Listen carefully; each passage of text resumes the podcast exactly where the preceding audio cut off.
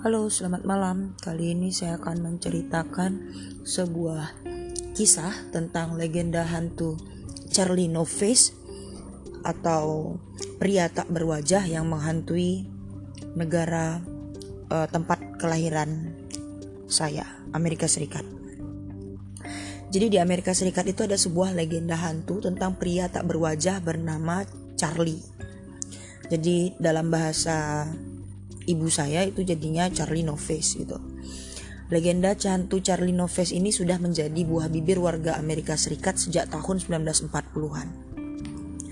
Usut punya usut, ternyata Charlie Noves ini bukan lagi sekedar legenda hantu, namun merupakan kisah nyata warga Amerika Serikat yang mukanya hancur bernama Raymond Robinson.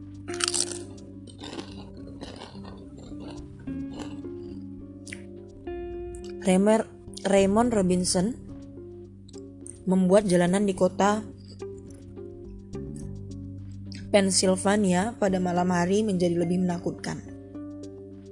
Ada enam fakta yang akan saya rangkum tentang uh, legenda hantu Charlino Face ini atau alias Raymond Robinson.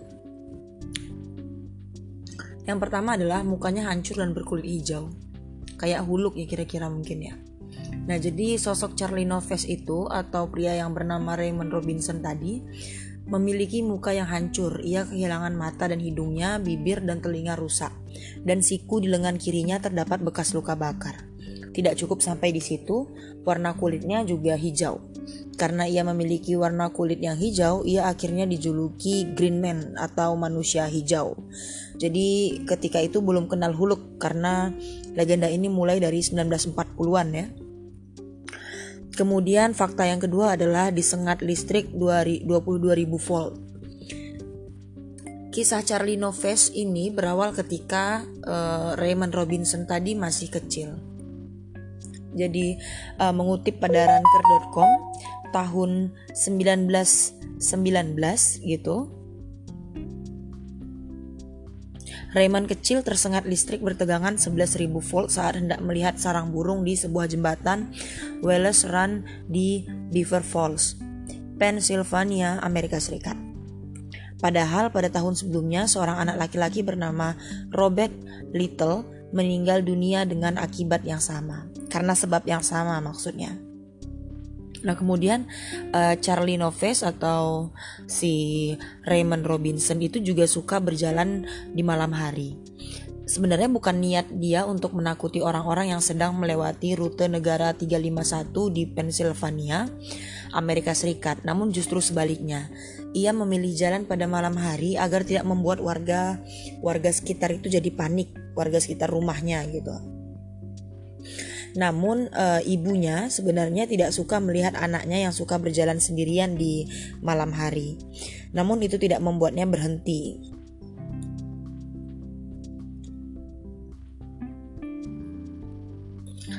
Biasanya si Raymond ini keluar e, pukul 10 malam e, dan kembali sebelum tengah malam. Tapi kadang-kadang dia nakal juga ya kayak anak zaman sekarang karena dia kadang-kadang juga nggak pulang dan ditemukan dalam kondisi pingsan karena mabuk amer. Jadi uh, kemudian fakta selanjutnya adalah sebenarnya dia dikenal sebagai pria yang baik dan penyayang. Jadi di balik mukanya yang menyeramkan, Raymond merupakan pria yang dikenal baik hati dan penyayang. Keponakannya Raymond mengatakan pamannya menghabiskan waktunya mendengarkan radio, membersihkan kebun, bermain puzzle, atau pergi menaiki bukit di belakang rumahnya. Para remaja sekitar tempat tinggal Raymond juga mengatakan bahwa Raymond adalah pria yang sangat baik hati. Ia dikenal suka bercerita sambil berbagi rokok dan bir dengan orang-orang sekitar uh, lingkungannya baik hati sekali ya Raymond berbagi rokok dan bir dengan orang-orang di sekitar lingkungannya. Kemudian fakta yang kelima adalah pernah diperlakukan keji oleh pengendara yang lewat. Kisahnya yang sering berjalan pada malam hari tidak selalu berakhir bahagia untuk Raymond.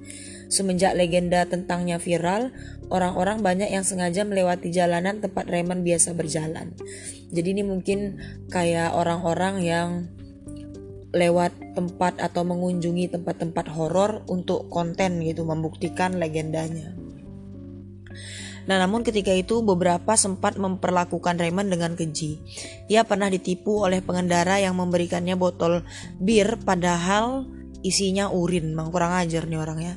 Nah, kadang ada juga yang sengaja memberikannya tumpangan kebar, namun akhirnya meninggalkan Raymond sendirian di tengah antah berantah.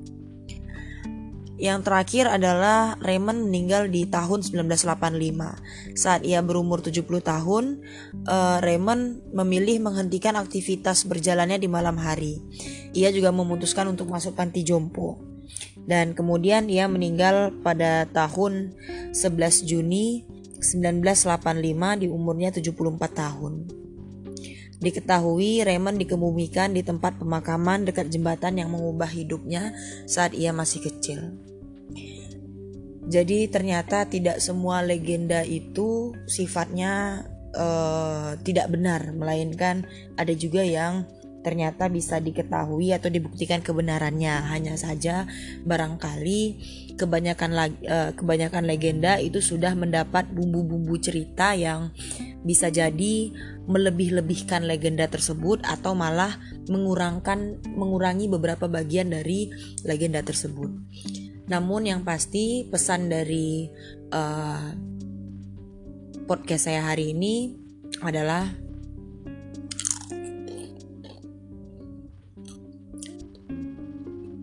di mana bumi dipijak, di situ langit dijunjung.